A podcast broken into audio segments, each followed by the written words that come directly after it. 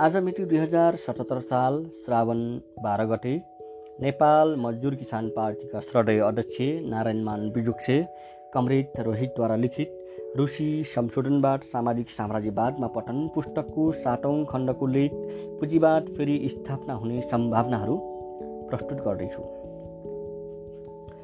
संशोधनवादीहरू सर्वहारा क्रान्ति भइसकेको देशमा पुँजीवाद फेरि फर्कने सम्भावनालाई मान्दैनन्। अरू पनि कति मानिसलाई पुँजीवाद पुनस्थापना हुने कुरा सुनेर आश्चर्य लाग्ला र कतिलाई यस कुराले साम्यवादी सिद्धान्तप्रति नै शङ्का लाग्न सक्छ। तर कुरा त्यसो होइन। यसमा आश्चर्य र शङ्का मान्नुपर्ने कुरै छैन। मार्क्सवाद लेनिनवाद साधारण ज्ञान हुने सबैलाई यो कुरा थाहा छ। गोठा कार्यक्रमको आलोचना भन्ने रचनामा मार्क्सले पुँजीवादी व्यवस्था नाश भएर समाजवादी व्यवस्थामा पनि कसरी पुँजीवादी छाप रहिरहन्छ भन्ने कुरा बताउनुहुन्छ। यहाँ हामी जुन साम्यवादी कुरा गर्दैछौँ त्यो आफ्नै जगबाट विकास भएको होइन। बरु ठिक उल्टो यो पुँजीवादी समाजबाट उठेको हो जसले गर्दा आर्थिक नैतिक बौद्धिक र हरेक किसिमले यसमा आफू हुर्केको गर्वको पुरानो समाजका जन्मजात छापहरू लागेकै हुन्छन्। पुँजीवादी व्यवस्थालाई पल्टाएर भर्खर स्थापना गरेको सर्वहारा वर्गको हुकुम अथवा समाजवादी समाज पुराना सबै दोषहरूबाट मुक्त हुन सक्दैन। मार्क्स यसबाटै अगाडि भन्नुहुन्छ साम्यवादी समाजको पहिलो चरणमा यस्ता खोटहरू हुन्छन् नै किनभने यो भर्खरै पुँजीवादी समाजको लामो प्रसव वेदनाबाट निस्केको छ। किनभने त्यो समाजको आर्थिक बनावट र त्यसबाट निश्चित गरिएको सांस्कृतिक विकासभन्दा माथि कहिले पनि जान सक्दैन। पुँजीवादी समाज र साम्यवादी समाजको बिचको व्यवस्थालाई समाजवादी समाज भन्ने चलन छ। मार्क्सको भनाइअनुसार समाजवाद साम्यवादको पहिलो या तल्लो खुड्किलो हो। यसकारण यसमा पुँजीवादका अनेक खराबीहरूको छाप बाँकी हुन्छ। यस कुरालाई लेनिनले झन् प्रष्ट गरिदिनुभयो। आफ्नो पहिलो अवस्था वा पहिलो खुड्किलोमा साम्यवाद आर्थिक दृष्टिले पूर्ण रूपले परिपक्व र पुँजीवादी परम्पराहरू र प्रभावहरूबाट पुरा टवरले मुक्त हुन सक्दैन। त्यति मात्र कहाँ हो र?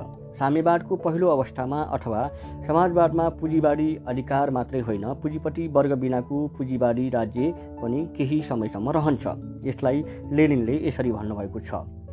साम्यवादभित्र खाली पुँजीवादी अधिकार मात्र होइन बरु केही समयसम्म पुँजीपट्टि वर्ग बिनाको पुँजीवादी राज्य पनि भइरहन्छ। त्यसो हुनुको मुख्य कारण प्रकृति र समाजको हरेक नयाँ कुराभित्र पुरानो कुराको भाग पनि बाँकी रहनु हो। त्यसो भएकोले पुरानो कुराहरू आफै एकै बाजी बिलाएर जाँदैनन्। समाजवादमा पनि पुँजीवादी तत्त्व आफै बिलाएर जाँदैन। पुँजीवाद फेरि बिउटिन खोज्छ। पुँजीवादको पुनस्थापनाको सम्भावनालाई सर्वहारा क्रान्ति र गडार काउटकीमा लेनिनले यसरी औल्याउनु भएको थियो। गड्डीबाट फालिएका शोषकहरू आफ्नो पहिलो हारपछि दस गुणा बढी शक्तिले सय गुणा बढी रिस र घृणाले तिनीहरूबाट खोसिएको त्यस स्वर्गलाई फिर्ता लिन लडाइँमा हाम हाल्छन्। पहिले त शोषक वर्गलाई तिनीहरूको युगौँ पुरानो गड्डीलाई पल्टाइदिनेछ भन्ने विश्वासै हुँदैन। पहिले दबाई राखेको वर्गले तिनीहरूमाथि शासन गर्नेछ भन्ने अपेक्षा नै हुँदैन। त्यो नयाँ शासनले शोषणमा जग हालेको तिनीहरूका परिवारका सबै सुख सुविधा मोज मजा आराम र आनन्दलाई हरण गरिदिन्छ।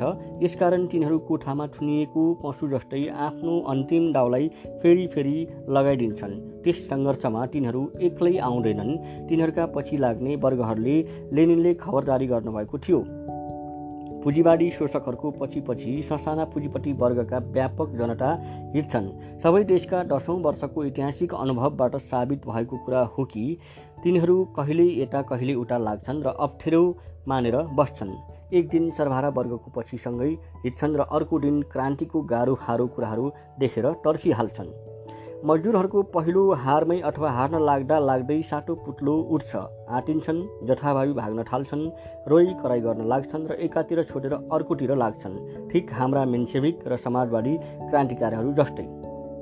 लेनिनका ती मेन्सेविक र समाजवादी क्रान्तिकारीका कुरा आजको रुसी र नेपाली नेताहरूलाई पनि लागू हुन्छ।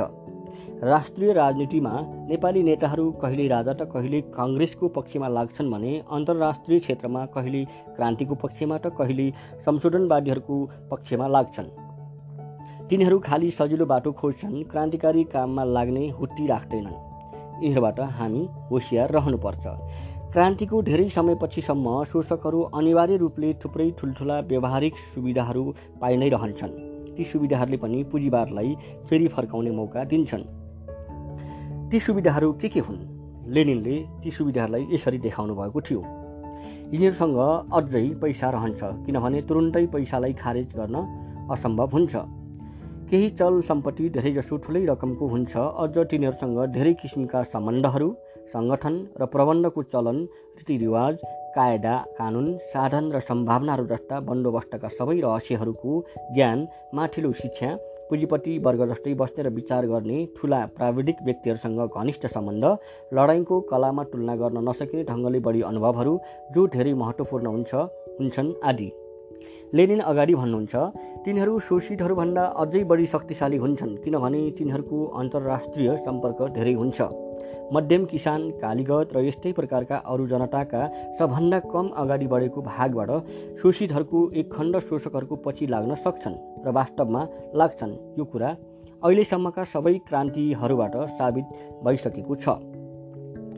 सर्वहारा वर्गको हुकुमको बेलामा पनि शोषक वर्गको अस्तित्व र स्थितिबारे लेनिनले सर्वहारा वर्गको हुकुमको युगको अर्थनीति र राजनीतिमा औल्याउनु भएको थियो। सर्वहारा वर्गको हुकुमको तखतमा शोषक जमिनदार र पुँजीपतिहरूको वर्ग पूर्ण रूपले न लोप भएका छन् न त हुनै सक्छन्।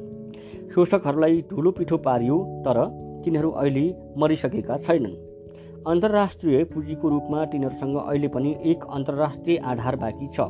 जुन एक हाँगाको तिनीहरू प्रतिनिधित्व गर्दछन्। अहिले पनि तिनीहरूसँग उत्पादनका केही साधनहरूको एक भाग छ। तिनीहरूसँग पैसा अहिले पनि बाँकी छ। तिनीहरूको सामाजिक सम्बन्ध अहिले पनि धेरै ठुलो छ। तिनीहरू हारेको हुनाले तिनीहरूको विरोध गर्ने फुर्ती सय गुणा हजार गुणा बढेको छ। राज्य सम्बन्धी सैनिक र आर्थिक प्रशासनको कलाले तिनीहरूलाई ठुलो बनाइदिन्छ। एक सहारै धेरै ठुलो बनाइदिन्छ। यसले जनसङ्ख्याको अनुपातलाई हिसाब गर्दा तिनीहरूको महत्त्व दाज्नै नसकिने गरी बढाइदिन्छ। हङ्गेरीका मजदुरहरूलाई दिनुभएको अभिनन्दनमा अझ प्रष्ट भाषामा लेनिनले पुँजीवादलाई फर्काउन सक्ने कुरालाई पहिले नै भनिदिनु भएको थियो। पुँजीवादबाट समाजवादमा फेरिने वा भित्रिने सम्पूर्ण सङ्क्रमण कालमा पुँजीपति र उचका थुप्रै पुँजीवादी बुद्धिजीवी पिछलघुहरू क्रान्तिलाई विरोध गर्नेछन्। जसको विरोध राम्रै ज्ञानी बुझिकन हुनेछ र धेरै ठुलो सङ्ख्यामा साना पुँजीवादी चलन चालचलन र परम्पराहरूमा डुबेका कामदार जनता जसमा किसान पनि आउँछन् क्रान्तिको विरोध गर्नेछन् र तिनीहरूको विरोध चाहिँ थाहा नपाएर गरिएको हुनेछ। यी स्तरहरूमा भ्रम हुनु स्वाभाविक छ। कामदार भएको नाताले किसान समाजवादतिर तानिन्छन् र पुँजीपट्टि वर्गको हुकुमभन्दा पनि मजदुरहरूको हुकुम धेरै मन पराउँछन्। यहीँनिर हामी ध्यान दिउँ तिनीहरू किसानहरू अन्न बेच्ने भएको नाताले पुँजीपट्टि वर्गतिर तानिन्छन्। व्यापारको स्वतन्त्रतातिर तानिन्छन् मतलब तिनीहरू आफ्नो स्वभाव अनुसार पुरानो युगौँ युग पुरानो पुँजीवादतिर फर्कन चाहन्छन्।